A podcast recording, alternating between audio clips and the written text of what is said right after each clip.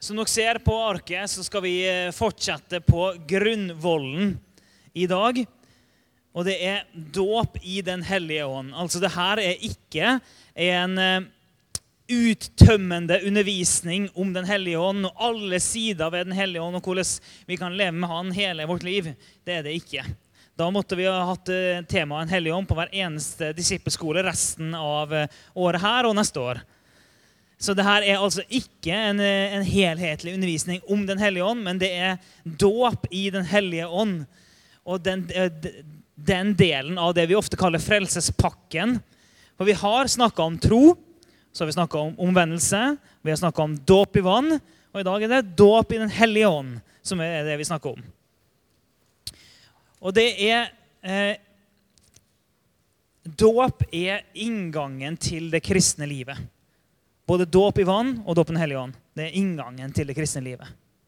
Og det er en uatskillelig del av det å bli frelst og leve med Jesus. Det er ikke noe vi kan ta bort. Det er en del av det livet vi skal leve. Og Et sånn eh, grunnbibelvers da, for eh, disippelskolen her. Hebreerbrevet 6.1-2. La oss derfor gå forbi barnelærdommen om Kristus og gå videre mot det fullkomne, så vi ikke igjen legger grunnvoll med omvendelse fra døde gjerninger og tro på Gud, med lære om dåp og håndspåleggelse, om oppstandelse fra de døde og evig dom. Og Her står det da at eh, vi ikke skal igjen legge grunnvoll. Og så er det jo det vi gjør her, da. Men det er jo fordi at eh, eh Det kan vi si hvis en allerede har lagt grunnvollen, men her er jo poenget å faktisk legge grunnvollen. Og poenget er at det finnes en grunnvoll i den kristne tro.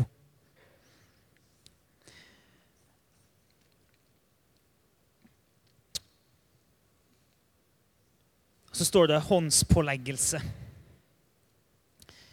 Det er sånn at eh, For noen kan det kanskje være litt rart. Hvorfor skal vi drive og legge hender på folk? Altså, eh, Gud er jo ikke avhengig av det. Det er jo universets herre og skaper, så han er jo ikke avhengig av at jeg rekke ut eh, min hånd og berøre Steinar på skuldra. Gud er jo ikke avhengig av det. Så hvorfor gjør vi det? Vi gjør det fordi vi ser det igjen og igjen og igjen og igjen og igjen, og igjen i Guds ord at det med håndspåleggelse er en greie. Og Så har ikke vi nødvendigvis eh, alle gode svar på nøyaktig hvorfor er det sånn. Er det sånn at det Går Den hellige ånd fysisk gjennom min kropp og inn i den andre sin kropp? Hva er det som egentlig skjer? liksom? Nei, har, akkurat det har vi ikke et godt svar på. Men vi ser at det er i Bibelen, og vi ser at noe skjer når vi er lydige mot det. Og så vet vi det at eh, Gud har jo skapt den fysiske verden, og han sa at den var god. Sant? Han skapte verden, han skapte oss, og han sa at det her var godt. Det her var i hans bilde, det var etter hans vilje. Han har skapt den fysiske verden, og den er god. Så da velger han òg ofte å fungere innafor den fysiske verden. Han er ikke avhengig av det, men han velger det ofte. For han har skapt det sånn, og han sa det var godt. Så han har av en eller annen grunn valgt å fungere sånn at når en kristen fylt av Den hellige ånd legger sin hånd på en annen kristen, så kan den personen òg bli fylt av Den hellige ånd. Det er sånn han har valgt å fungere. Og, og, så er det ikke alt vi har noen gode svar på. Men når vi ser noen ting i Bibelen, så vet vi at da er vi lydige mot det. Betyr det at Gud ikke kan virke hvis ikke legger hånda på? Nei, det betyr det ikke. Men det er en lydighetshandling. Vi ser det her. Og I notatene på disippelskolen så går vi jo gjennom haugevis av bibelvers. Sikkert mer bibelvers enn det dere er vant med å gå gjennom når en har Eh, når vi hører forkynnelser og sånn. Men det er for at vi vil hele tida bare dra ting tilbake til Bibelen. Hele tida bare ta fram så mange bibler vi kan, nærmest. Eh, og vi vil at dere skal bli vant med å bare hele tida gå til Bibelen. Hele tida gå til Bibelen. Svarene ligger her, grunnvollen ligger her. Og Måten vi forstår Bibelen på, måten vi tolker Bibelen på, det er å lese Bibelen og tolke Bibelen i lys av Bibelen. Det er sånn det funker. Så vi må utsette oss for så mye av Guds ord som bare mulig. Derfor drar, drar vi dere gjennom Masse masse, masse bibelvers. Det kan være at noen, noen tenker sånn ja, altså, Her har vi altså skal vi se, her har vi fem bibelvers som å legge hendene på folk. Hadde det ikke holdt med ett? Jo, på en måte hadde det det. Men poenget er liksom å vise hvordan Guds ord hamrer inn ting. Det er noe av poenget her. Vet, I salmene står det at summen av Guds ord er sannhet. Så prøver vi å trekke inn litt av summen her. Og så er det sånn at uh, det vi utsetter oss for, det former oss. Det vi utsetter oss for, det påvirker oss. Det vi fyller oss med, det former oss. Så hvis vi utsetter oss masse for Guds ord, så former det oss. Og det er akkurat samme med hvis vi blir fylt av Den hellige ånd, så former det oss. Og Hvis vi ikke leser Guds ord, så former det oss. Og hvis vi ikke blir fylt av Den hellige ånd, så former det oss. Og hvis vi eh, bare fyller oss med masse masse, masse dritt, så former det oss. Vi blir forma uansett. Så er vårt valg hva vi vil la oss forme av. Ok, men La oss ta håndspåleggelse, da. Her har vi skrevet at håndspåleggelse det er vi kan formidle nådegaver, helbrede syke, velsigne, sende ut apostler misjonærer, innsatte mennesker til tjeneste i Guds rike eller formidle dåpen i Den hellige ånd. Så 2. Timoteus 1,6. Derfor minner jeg deg om at du igjen opptenner den Guds nådegave som er i deg, ved min håndspåleggelse. Markus 16, 18. På syke skal de legge sine hender, og de skal bli helbredet. Markus 10, 16. Og han tok dem på fanget og la hendene på dem og velsignet dem. Apostelens gjerninger 13, 2-4. Mens de holdt gudstjeneste og fastet, sa Den hellige ånd, ta ut for meg Barnabas og Saulus til den gjerningen som jeg har kalt dem til. Da lot de dem dra ut etter at de hadde fastet og bedt og lagt hendene på dem. Da de slik var utsendt av Den hellige ånd, dro de. Apostelens gjerninger 6, 6. Disse mennene, altså den første diakonene, stilte de fram for apostlene, som ba og la hendene på dem. Så vi ser da gjennom eh, eh, den tida med de første kristne, så ser vi De ba, og de la hender. De ba, og de la hender. De fasta, og de la hender på. Jesus han la hender på, og han velsigna. Så når vi ser at Jesus gjorde det, apostlene gjorde det, og uh, gjennom kirkehistorien etterpå så gjorde han det, så bør vi jo gjøre det.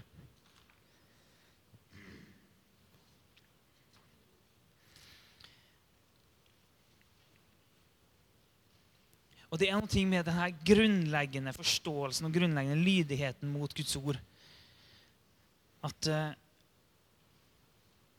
når det er så tydelig, ja, da gjør vi det bare. Det står håndspåleggelse der. Ja, men da legger vi henne på, da. Det betyr ikke at vi må legge henne på. Det er ikke alle som vil bli lagt henne på. Det er ikke alle vi er i nærheten av engang. Men der det hører hjemme, ja, men da gjør vi det. Og jeg vet at det, for, det, for, noen så kan det se rart ut når vi flokker oss rundt noen. Så er det liksom 15 stykker som skal legge hender på.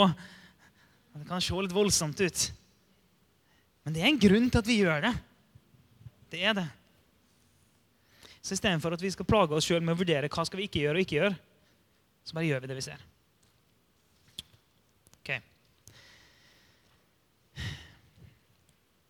Vi skal gå videre. I Apostlenes gjerninger 1906 så står det og Da Paulus la hendene på dem, kom Den hellige ånd over dem, og de talte med tunger og profetiske ord. Og Hvis vi ser på eh, bibelverset helt øverst i Hebreerbrevet Når det står om grunnvollen og om mennesker fra døde gjerninger og, og, tro på Gud, og så står det 'med lære om dåp og håndspåleggelse'.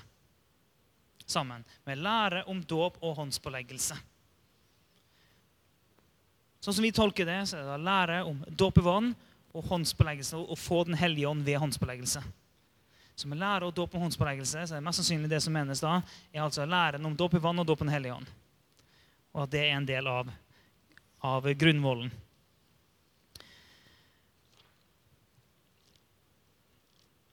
Og Gjennom hele apostlenes gjerninger så ser vi at tro, omvendelse, dåp i vann og dåp i Den hellige ånd det går sammen. Er derfor vi kaller frelsespakken for vi mener faktisk Det er ikke at du, du eh, ikke blir frelst hvis ikke du blir døpt i vann, men det hører med til pakken av å bli frelst.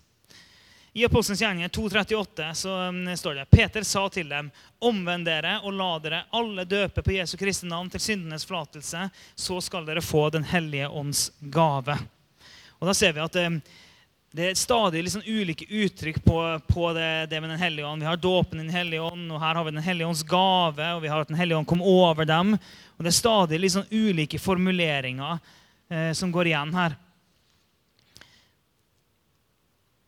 Og I Apostelens gjerninger 9, 17-18 Paulus har blitt eh, slått halvt i hjel.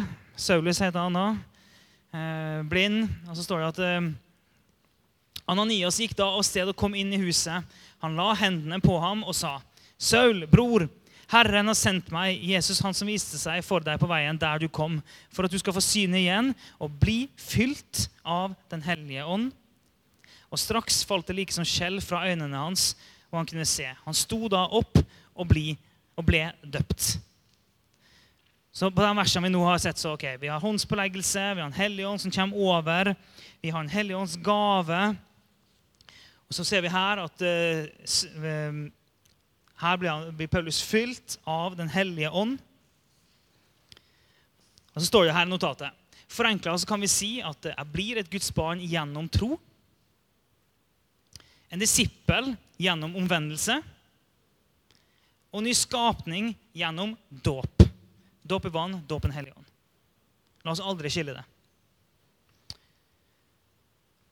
Så har vi skrevet at dåpen i Den hellige ånd det gir en overflod av Guds liv i oss for vår skyld. Og så er det Guds kraft over oss for andres skyld. Den hellige ånd virker på begge måter. Den hellige ånd fyller oss for meg, for mitt liv med Gud. Men aldri bare det. Det er òg at Hellige ånd fyller meg for å nå ut til andre. For sånn, Helligånd har lyst til å fylle meg, men han har lyst til å komme ut av meg òg. Så det er hele tida begge deler. Han vil fylle, og han vil komme ut. Han vil fylle, han vil komme ut. Og jeg sa det at Vi, vi, vi ser stadig sånne ulike begreper her. Med Eh, sånn Døpt i Den hellige ånd, fylt Ånden. Den hellige ånd kom over dem. Få en åndens gave. Den hellige ånd ble utøst. Den hellige ånd falt.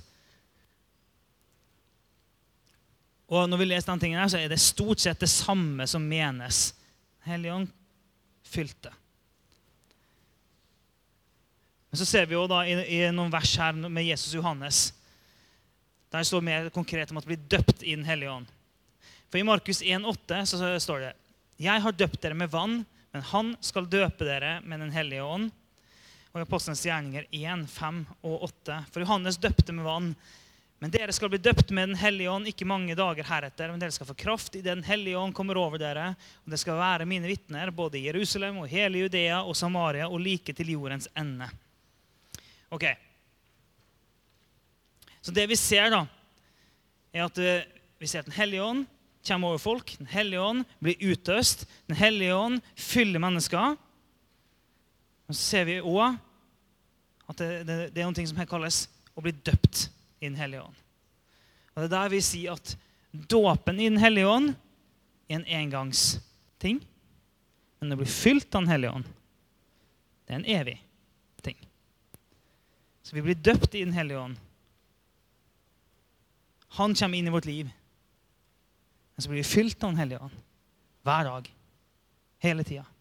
Kontinuerlig. Igjen og igjen skal vi bli fylt av Den hellige ånd.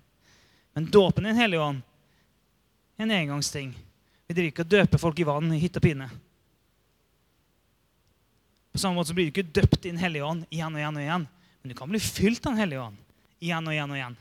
Og du kan bli fylt av Den hellige ånd voldsomt igjen og igjen og igjen. Det kan være livsforvandlende igjen og igjen og igjen. Det kan det være. Men så dåpen i Den hellige ånd er når hellige ånd fyller deg og tar bolig virkelig inni deg. Og det betyr ikke, og For noen så kan det være en voldsom opplevelse. Det er sikkert noen her inne som har opplevd det heftig da han var døpt i Den hellige ånd. Og vi har helt sikkert hørt mange historier av mennesker som har vært døpt i Den hellige ånd. De hellige bare kom og slo dem i bakken. Og fylte dem med voldsomme greier. Og Noen har sånne historier, og det er nydelig.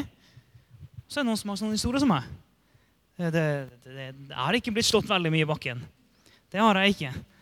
Eh, men bor Den hellige ånd inni meg? Absolutt. Jeg husker ikke engang når han virkelig kom inn. Eh, det er jo, eh, men det, er fordi jeg har vært heldig med å vokse opp i en kristen familie. Så jeg kan ikke peke på når var det jeg ble døpt Den hellige ånd. Det kan ikke jeg, klar, jeg klarer ikke å peke på det. Fordi det, det, var aldri en sånn himmelen falt i hodet på meg-opplevelse. Og det er helt greit. Betyr det at jeg ikke er døpt Den hellige ånd? Nei. Den hellige ånd har kommet inni her. Det er det ingen tvil om. Så vi, vi, er ikke, vi, er ikke, så opptatt av nøyaktig hvordan det ser ut. Det er vi ikke opptatt av. Men vi er veldig opptatt av at Den hellige ånd får flytte inn. Det er vi veldig opptatt av. For når et nytt menneske har møtt Jesus, det har begynt å tro, det har omvendt seg, det blir døpt i vann, så kan vi ikke stoppe der.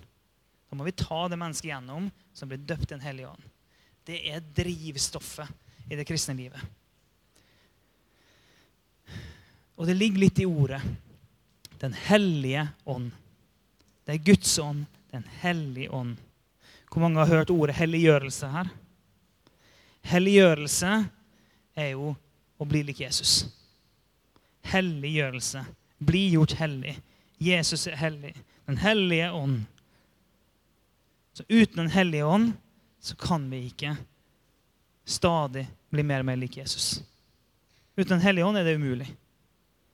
Men om Han får lov til å fylle oss dag for dag, igjen og igjen, ja, da kan vi bli mer og mer lik Jesus. Og Derfor er det helt avgjørende at uh, når mennesker har gitt sitt liv til Jesus, så må vi være helt sikre på at Den hellige ånd har fått lov til å komme inn.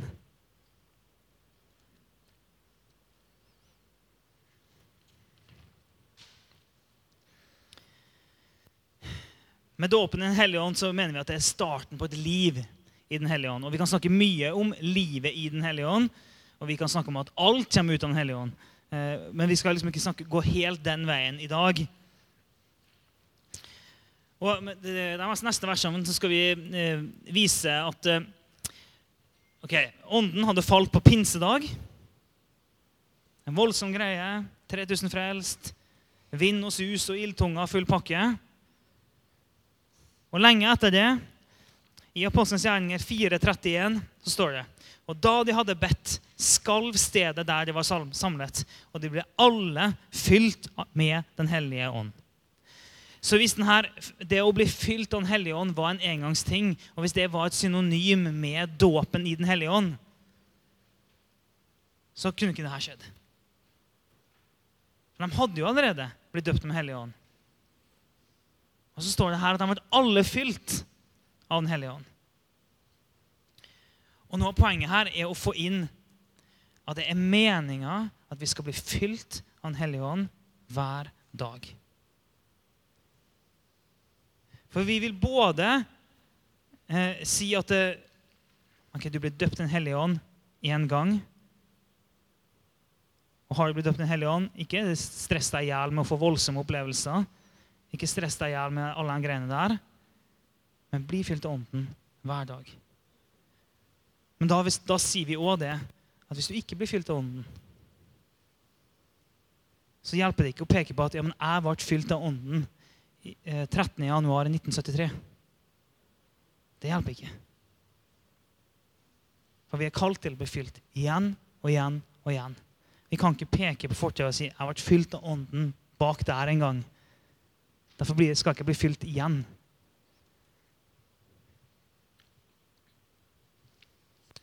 I Efeserbrevet 5,18.: Drikk dere ikke fulle på vin. Det fører til utskeielser. Bli heller fylt av Ånden. Jeg skal ta dere litt med inn i grammatikken. Jeg skulle ønske at jeg hadde sugd her for eget bryst og kunne briljere med mine egne teologiske og greske mektige kunnskaper. Men det er, det er ikke henta fra meg. Det er henta fra min gode venn John Stott. Det er han som lærte meg det her.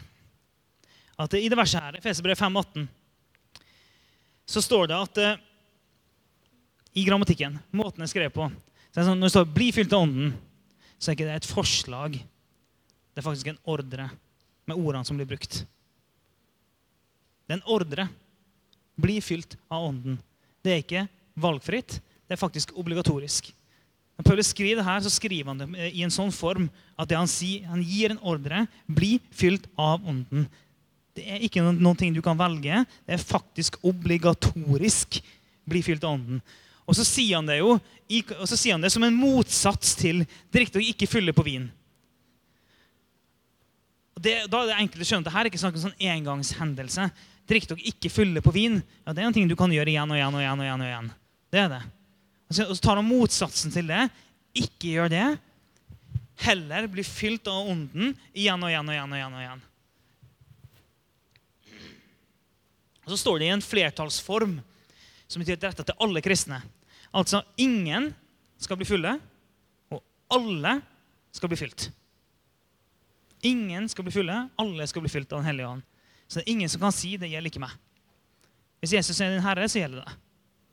Da har du fått en ordre, og det er noe som er obligatorisk i ditt liv, og det er å bli fylt av Den hellige ånd. Og så står det i en passiv form. Altså at vi er den passive part. Eh, vi kan ikke komme opp med teknikker og metoder for å bli fylt av Den hellige ånd. Han er den som fyller. Vi skal stille oss til rådighet. Vi skal ønske han velkommen, og vi skal la oss bli fylt. Men han er den som fyller. Og vi skal be, og vi skal søke, og vi skal gjøre det, og vi skal ta aktive valg. Alt det skal vi gjøre. Men det er han som fyller. Ikke basert på vår prestasjon, ikke basert på, hvor flinke vi er. Det er det ikke. Han er den som fyller. Han er den aktive part. Og så til slutt at den grammatiske formen og Hvis du har eh, hvis du leser litt teologi, så vil du se at dette er en ting som går igjen igjen og igjen i Bibelen. At uh, når det står en ting, en, en, uh, om en handling, så kan det ofte stå i to ulike former, grammatiske former, som enten betyr at det er en handling som skjer én gang, eller det er en handling som skjer kontinuerlig. igjen og igjen og igjen. Det er mange sånne i Bibelen. Jeg kan ikke norske ordet for det. På engelsk er det aorist tense. Er liksom det ordet for når det er liksom igjen og igjen og igjen. Um, og her er, står det i en sånn form som da altså ikke blir fylt av ånden én gang. Ikke blir heller fylt av ånden én gang, men bli, det kan vi forstå som blir stadig fylt. Det blir fylt igjen og igjen og igjen. Det er noe som bare foregår. Det bare fortsetter. Det bare fortsetter. Det har, det har ikke en stopp. For det er noen ganger det står på en sånn måte at det er tydelig at det har en stopp. Det skjer der og da. Ferdig. Men her skjer det igjen og igjen og igjen. Og igjen. Og, og det, det, ser vi hvis vi går inn i gresken og grammatikken. Men vi, vi ser det bare på konteksten nå. For det som er motsats til 'drikk dere ikke fulle på vin', som er en mer hverdagslig hendelse, holdt jeg på å si, ikke helt hverdagslig, da, men iallfall en jevnlig ting. Drikk dere ikke fulle på vin. Bli heller fylt av Ånden igjen og igjen og igjen og igjen.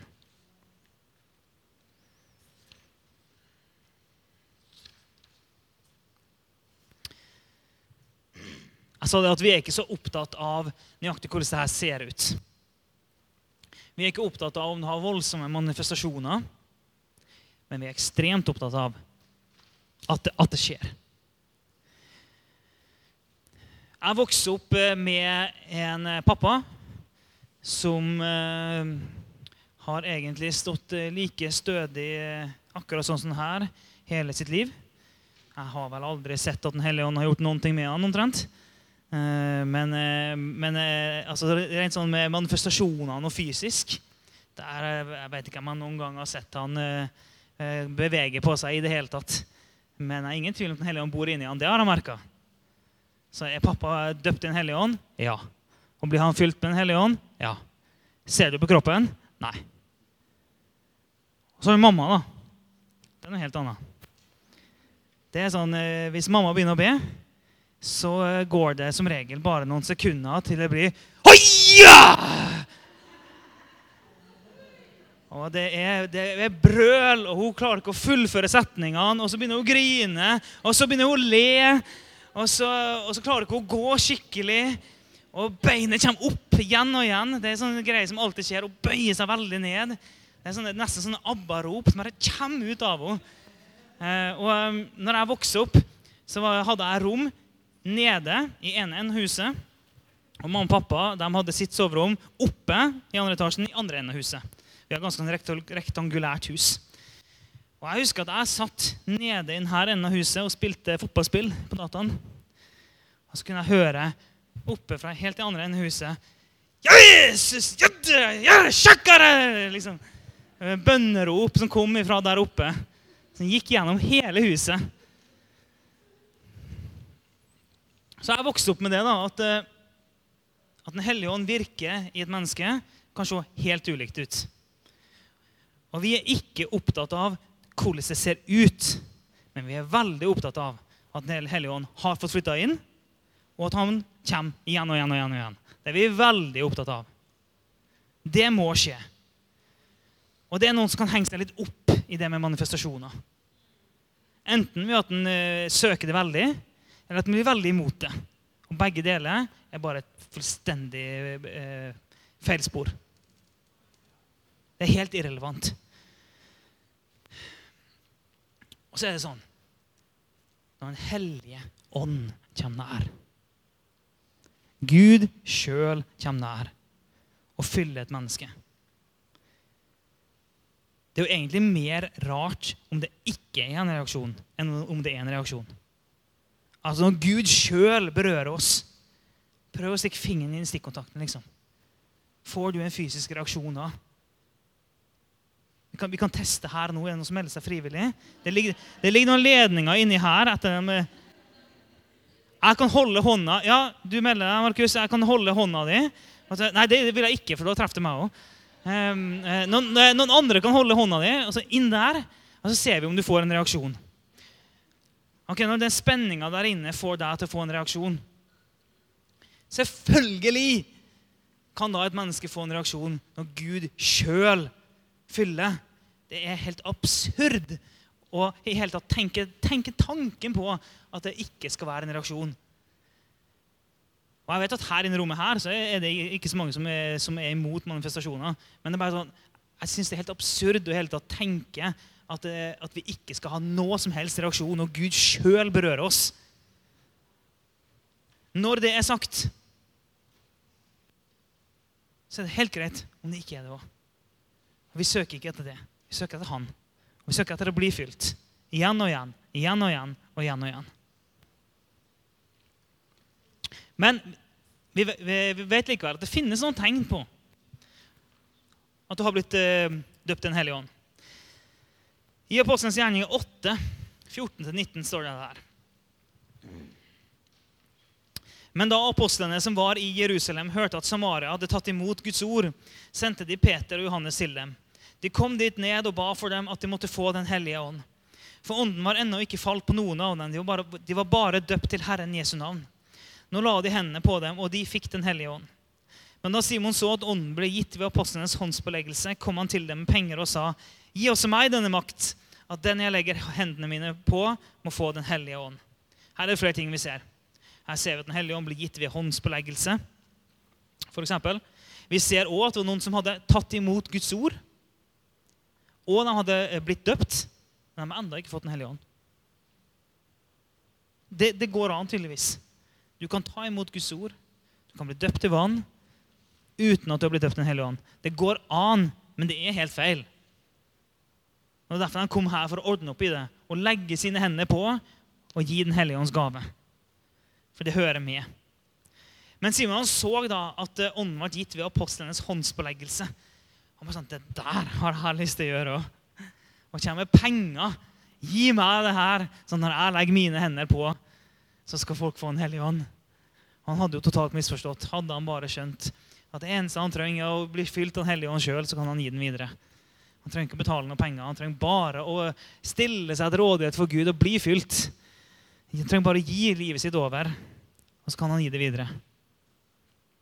Men han kunne altså se når Den hellige ånd kom over folk. Og Bibelen den, den forteller flere ganger om det, at du kunne se at Den hellige ånd kom. Og De to tingene som vi ser igjen, det er jo eh, tungetale og profetiske ord. Og Pinsevennene har alltid hatt denne greia med at uh, dåpen i Den hellige ånd, tegnet på det, det er tungetale. Det har pinsevennene alltid hatt. Og det, det, er helt bibelsk. Det, det er tegn. Men det er jo, profetiske ord er òg en ting vi ser i Bibelen. At det profetiske ord kommer ut av et menneske som blir, som blir døpt og fylt av Den hellige ånd. Og det å høre helt med og bli fylt. Det at Den hellige ånd taler gjennom det.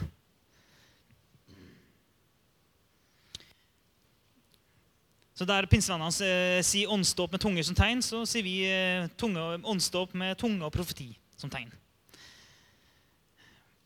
Apostelens gjerninger 2, 1-4. Og da pinsefestens dag var kommet, var de alle samlet på samme sted. Da kom det med ett en lyd fra himmelen som når et veldig stormvær farer fram og fylte hele huset der de satt. Og Det viste seg for dem med tunger like som eh, av ild som delte seg og satte seg på hver enkelt av dem. Og Da ble de alle fylt med Den hellige ånd, og de begynte å tale i andre tunger, alt etter det som ånden ga dem å tale. Så her ser vi tungetale. Ånden kom, og begynte å tale tunga. Så um, hopper vi bitte litt videre. Apostelens gjerninger 2, 17-18. Det skal skje i de siste dager, sier Gud. Da vil jeg utgyte av min ånd over alt kjød. Deres sønner og deres døtre skal tale profetiske ord. Deres unge menn skal se syner, og de gamle blant dere skal ha drømmer. Selv over mine treller og trellkvinner vil jeg i de dager utgyte av min ånd, og de skal tale profetiske ord. Og så går vi videre. Apostelens gjerning 19, vers 6. Og da Paulus la hendene på dem, igjen håndspåleggelse, kom Den hellige ånd over dem. Og de talte med tunger og profetiske ord. Så bare Det verset her er jo sånn, det observerer mye av det vi snakker om. For her har vi håndspåleggelse. Sånn hellig hånd som kom over dem. Og så talte de med tunga og profetiske ord. Og så har vi Apostelens gjerning 10, 44-48, der Peter har kommet hjem til eh, Kornelius. Eh, fullt av eh, blodhedninger. Skitne, skitne blodhedninger som de hadde beveget seg inn i huset til. Det var jo litt vanskelig for en jøde å gjøre sånn, egentlig. Han måtte jo eh, bli nesten litt sånn tvunget til det, og med synet og med duken og maten og alt sånn. Men så står det mens Peter ennå talte disse ordene, falt Den hellige ånd på alle den som hørte ordet. Og alle de troende som tilhørte de omskårne, og som var kommet med Peter, ble forferdet over at Den hellige ånds gave var blitt utgitt også over hedningene. Bare det er jo litt morsomt. De var forferda over at Den hellige ånd hadde kommet over hedningene. Det kan vi hedninger være veldig glad for. Ehm, for de hørte dem tale med tunger og lovprise Gud. Da sa Peter, kan vel noen nekte dem vannet, så de ikke skulle bli døpt, disse som har fått Den hellige ånd, like som vi? Og han bød at de skulle bli døpt i Jesu Kristi navn. Og de ba, de ba ham da bli hos dem noen dager. Ok. Her står det at han ble forferda, eller de ble forferda over at hedningene hadde fått Den hellige ånd. Men de så at den hellige ånd, nei, at hedningene hadde fått Den hellige ånd. Det var noen ting som gjorde at de skjønte bare, Oi, oi, oi, oi, hva skjer her? De har tydeligvis fått Den hellige ånd. De kunne se det. Det var noen, noen ting som gjorde at de bare skjønte. Og det står her For de hørte dem tale med tunger og lovprise Gud. Det var det de så. De så at de folkene her de begynte nå å tale i tunga og lovprise Gud. Og de gjenkjente det som et tegn på at Den hellige ånd har nå kommet over de menneskene her.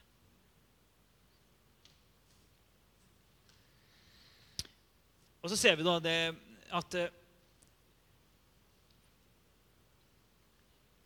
Gud har nok en rekkefølge på hvordan han optimalt sett skulle ønske at ting skulle skje.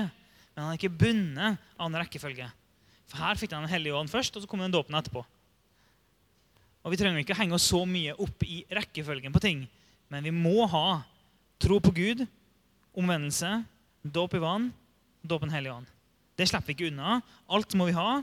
Helst så fort som bare mulig, så tett som bare mulig, i en så god pakke som bare mulig. Det hører helt sammen. Vi skal aldri, aldri, aldri skille det. Men nøyaktig rekkefølgen på det det er ikke vi så opptatt av. Så om det ble døpt Den hellige ånd først og vann etterpå, eller vann først Den hellige ånd etterpå, det, sånn, det, det får på en måte være så lenge vi sørger for at det er en pakke som eh, nyfrelse går igjennom.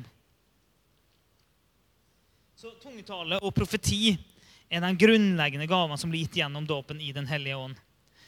Og profeti er jo at Gud taler gjennom oss til oppbyggelse for andre.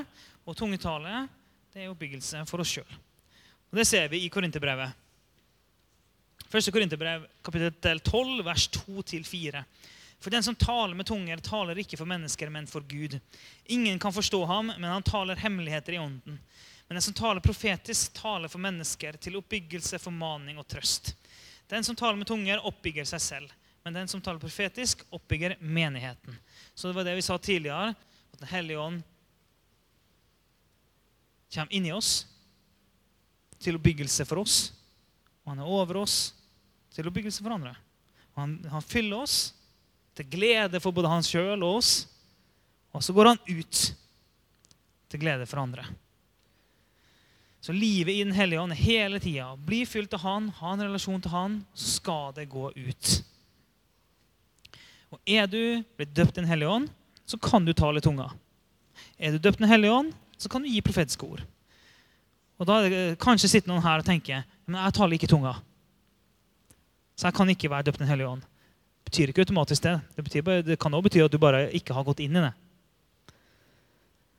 Noen opplever å bli eh, døpt Den hellige ånd, så bare bang, kommer tungetalen der og da. Helt sikkert noen her inne som har hatt det på den måten. Den Tungetalen bare rulla ut av dem når Hellige ånd kom over dem. Mange har opplevd det. Eh, for meg var det ikke sånn. Eh, altså, hva skal jeg si Mitt liv med Gud det, har, det, er veldig lite som har kommet på den måten. Det er Noen har på den måten, men mitt liv med Gud det er litt sånn eh, Det her vil kanskje noen synes det er rart, men mitt liv med Gud er veldig sånn prega av at eh, jeg bare sånn, ok, men da, da, må jeg lære meg å tale tunga, så må jeg bare gjøre det. da. Så må jeg bare begynne å si masse ord. Bare, så bare si, gjentar ordene. da. Så bare si dem, si dem igjen. Og så holder jeg på i et år, og så har det bare samme ordene i et helt år uten at jeg følte det skjedde så mye.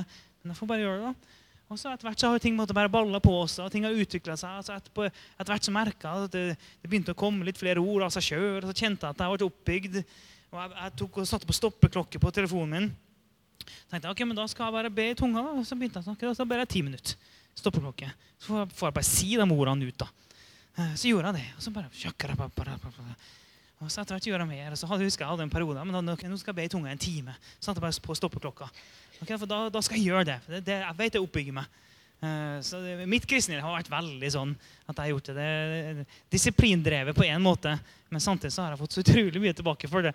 Så uh, det, det, er min historie med hvordan jeg begynte å tale tunga. Jeg har bare, bare, bare gjort det. Uh, og Betyr det at jeg, jeg da ikke er døpt Den hellige ånd? Fordi ikke det bare kom over meg og rulla ut av meg? Nei, det betyr det ikke. Så hvis du sitter her og ikke taler tunga, så kan vi ordne det. Og samme, Hvis du sitter her og aldri har talt ut et profetisk ord, så er det sånn Ja, du kan få et profetisk ord ved at eh, Man Helligånd bare kommer over deg. og så bare, å, Du kjenner det ordet må ut. Det brenner i beina dine. Ordet som Gud har gitt deg. Og Det er fantastisk. Men når Den hellige ånd har flytta inn i deg, så trenger du ikke det. Da kan du faktisk bare velge å begynne å tale. Jeg kan bare velge noen her og komme med profetiske ord. Jeg kan det, for en hellige ånd har flytta inn i meg. Jeg trenger bare stille meg inn på hva har en hellig ånd å si til deg. Hellig ånd har noe å si til deg. Jeg må bare stille meg inn på det.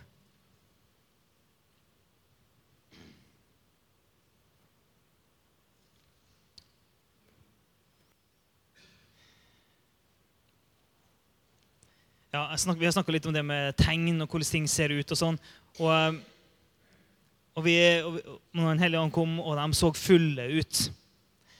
Og det er jo en sånn ting. Vi vet at Den hellige ånd fyller oss. Noen de blir virkelig fulle. De blir det. Og så har vi noen igjen, sånn som meg og pappa. og sånn. Ikke så veldig mye. Jeg har opplevd noen ting av det. Og så har du andre som er sånn Du kan ikke ta en liten håndspåleggelse en gang før jeg er med i gang. Det, det, det, er helt sikkert noen sånne veldig sånne lettantennelige Helligånd-bomber her inne i rommet. Det er alltid noen sånne. Der det er sånn, eh, eh, Hvis du vil at noen ting skal skje, så bare begynner å be litt for dem. Så vi vet at da skjer ting med en gang. Og som jeg sa i stad, vi er ikke så opptatt av hvordan det ser ut. Det betyr òg at eh, når det ser kanskje litt rart ut, så aksepterer vi det.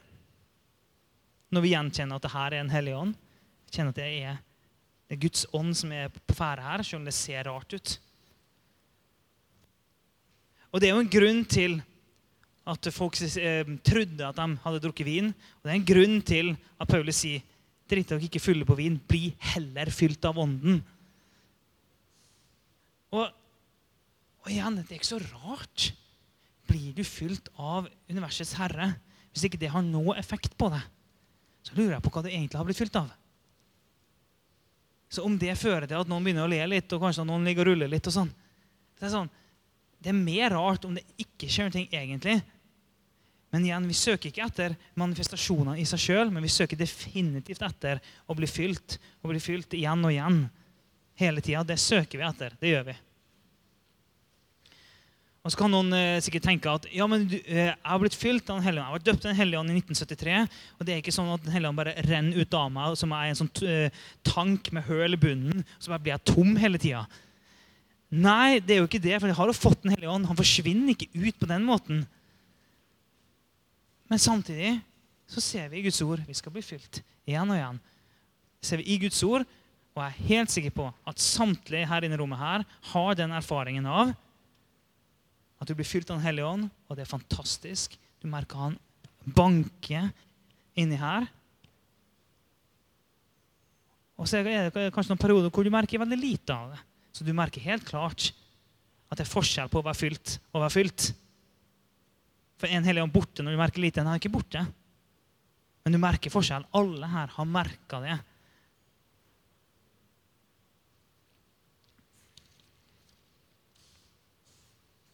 I Apostelens gjerninger 2, vers 12 og 13, så står det at alle ble forferdet og var i villrede. Og den ene sa til den andre, 'Hva kan vel dette være?' Men den andre sa spottende, 'De er fulle av søt vin'.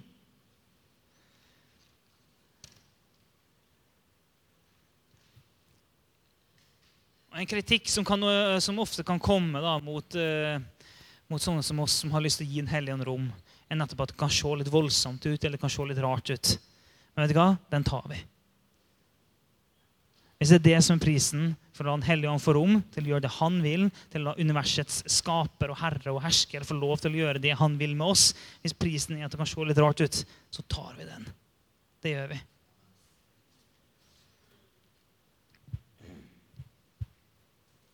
Hensikten med, å bli, med dåpen i Den hellige ånd. Gjennom å bli fylt av Den hellige ånd kan vi erfare Guds kjærlighet.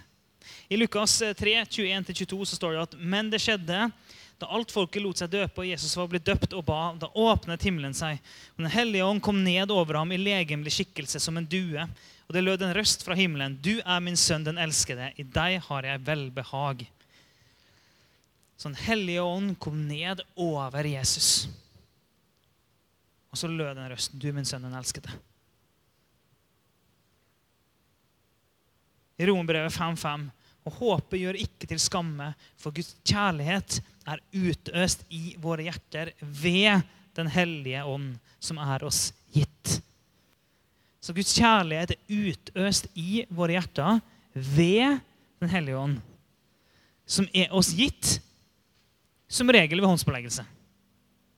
Han kan komme uten håndspåleggelse, men som regel ved håndspåleggelse. Guds kjærlighet er utøst i våre hjerter ved Den hellige ånd. Den hellige ånd gjør at vi kan oppleve og erfare Guds kjærlighet. Og I Galaterbrevet 5, vers 22-23 så er det åndens frukt. Men åndens frukt er kjærlighet, glede, fred, langmodighet, mildhet, godhet, trofasthet, ydmykhet, avholdenhet. Altså frukten av Den hellige ånd i våre liv er de her tingene her. Og Det var det jeg sa litt tidligere. Den hellige ånd fyller oss dag for dag og lede oss og styrke oss og forme oss til å leve et hellig liv, et Jesuslikt liv.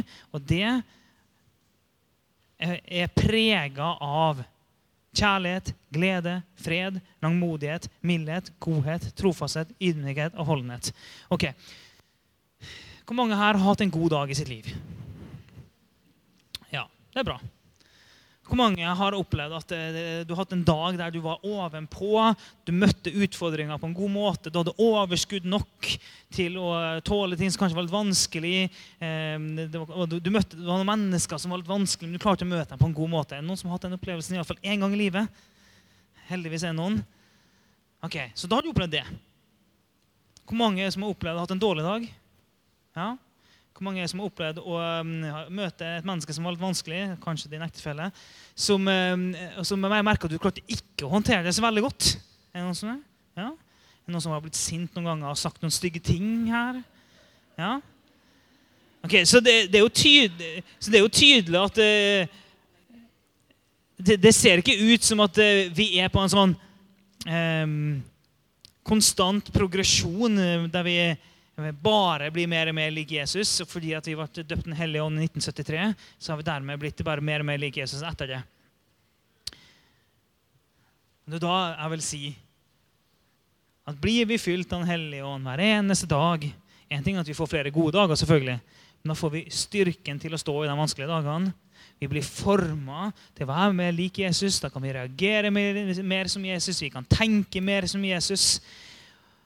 Og hvis du går rundt og er sint, så er det jo litt fint hvis du har en ånd inni deg der en av fruktene er fred, eller langmodighet, eller mildhet.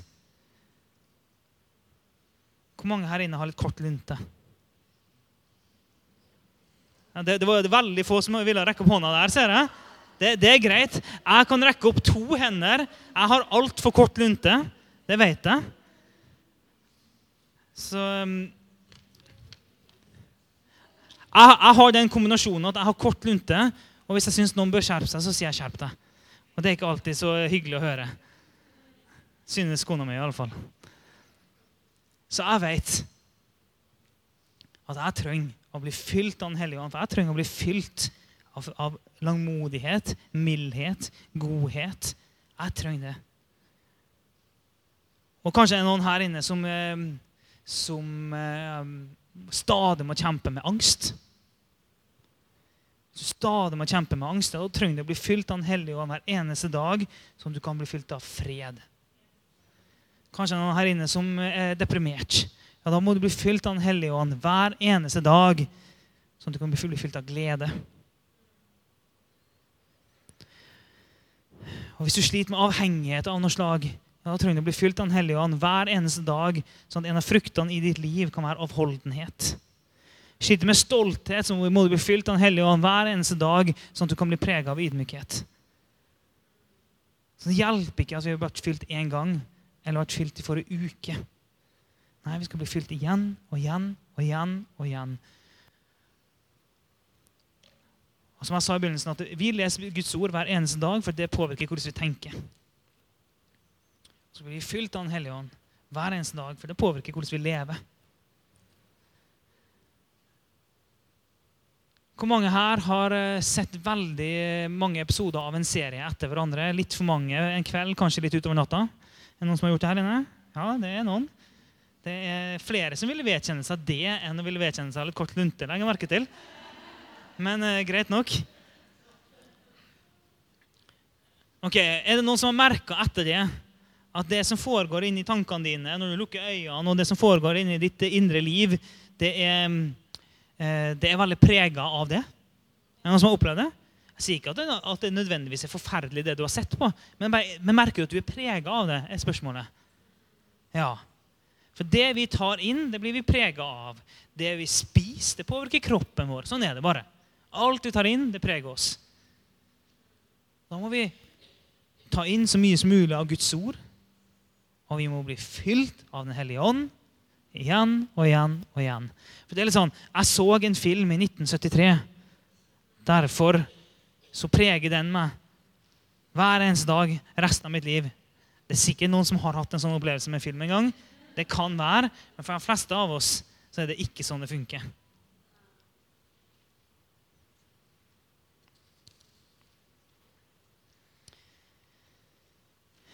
Apostelens gjerninger 1,8. Men dere skal få kraft i Den hellige ånd kommer over dere, og dere skal være mine vitner både i Jerusalem og i hele Judea og Samaria og like til jordens ende. Og Lukas 4, 14-19. I åndens kraft vendte Jesus tilbake til Galilea, og ryktet om ham kom ut over hele landet der, der omkring. Og han lærte i synagogene deres og ble prist av alle. Og han kom til Nasaret, hvor han var oppfostret. På sabbatsdagen gikk han inn i synagogen slik han pleide å gjøre, og sto opp for å lese for dem. De ga ham da profeten Jesajas bok, og da han hadde åpnet boken, fant han stedet der det står skrevet:" Herrens ånd er over meg, for han har salvet meg til å forkynne evangeliet for fattige. Han har sendt meg for å forkynne for fanger at de skal få frihet, for blinde at de skal få syn, og for å sette undertrykte fri, og for å forkynne et nådens år fra Herren. Ok, Vi snakka nettopp om Den hellige ånd fyller oss for oss. Åndens frukt. Men han fyller oss òg for at vi skal gå ut og være hans vitner. Vi skal gå ut til Jerusalem og Judea og Samaria og like til jordens ende og være hans vitner. Og det som står om Jesaja, Herrens ånd er over meg. Og han har salva meg til å forkynne evangeliet. Han har sendt meg for å forkynne. For fange at han skal få frihet. For blinde at han skal få syn. For å sette undertrykte fri og for å forkynne et nådens år fra Herren. Jeg er fylt for meg, og jeg er fylt for andre. Så å være fylt av Den hellige ånd det fører også til at vi må gå ut, at vi vil gå ut, og at det er en hjelp til å gå ut. Og Når dåpen i Den hellige ånd og livet i Den hellige ånd gjør at vi kan få profetiske ord, så hjelper det veldig når vi skal nå ut. Så Den hellige ånd, den fyller oss. Og den er helt avgjørende for at eh, når vi går ut og vi fortjener evangeliet til noen, så er Den hellige ånd som virker på dem. Den hellige ånd overbeviser dem om synd, drar dem inn. Og så må de komme inn i livet med Den hellige ånd. For at, eh, Det er helt sikkert noen her inne som har opplevd og skulle prøve å disippelgjøre noen som ikke har blitt fylt av Den hellige ånd. Og det anbefaler jeg ikke. Altså Ikke prøv å disiplere noen som ikke har blitt fylt av Den hellige ånd. Da må du bare sørge for at Den hellige ånd får lov til å flytte inn, for han er den beste disippelgjøreren av dem alle. La han få lov til å komme inn først, la han få lov til å begynne å virke, og så kan du bli med på laget. Men ikke prøv å sette deg i førersetet. Sørg for Den hellige ånd er i førersetet av disippelgjøringa av dem du skal disippelgjøre. Så alltid sørg for tro, omvendelse, dåp i vann, dåp Den hellige ånd når du leder mennesker til Jesus. Så tenker du kanskje ja, men jeg leder ikke noen mennesker til Jesus. Nei, men Det er fint, for det skal vi gjøre noe med. Eh, for Da skal vi sørge for at du blir så fylt av Den hellige ånd at du begynner å lede mennesker til Jesus. Og eh, Det er nå poenget med disippelskolen òg. Eh, vi har en plan med alt det vi går igjennom. Der vi nå tar frelsespakken. Og Så går vi videre. Så tar vi de grunnleggende delene av den, av den kristne tro. Så når vi har kommet igjennom det, så er det vår tanke at da skal det sitte i dere. Det skal være enkelt for dere å gi det videre, og dere skal vite helt konkret hvordan dere skal ta mennesker inn i livet med Gud.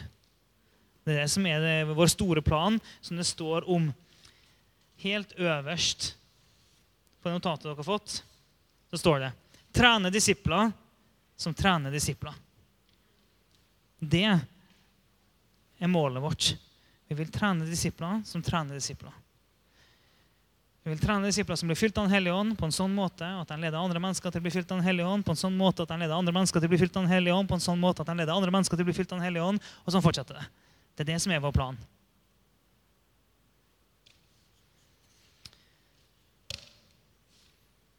Amen.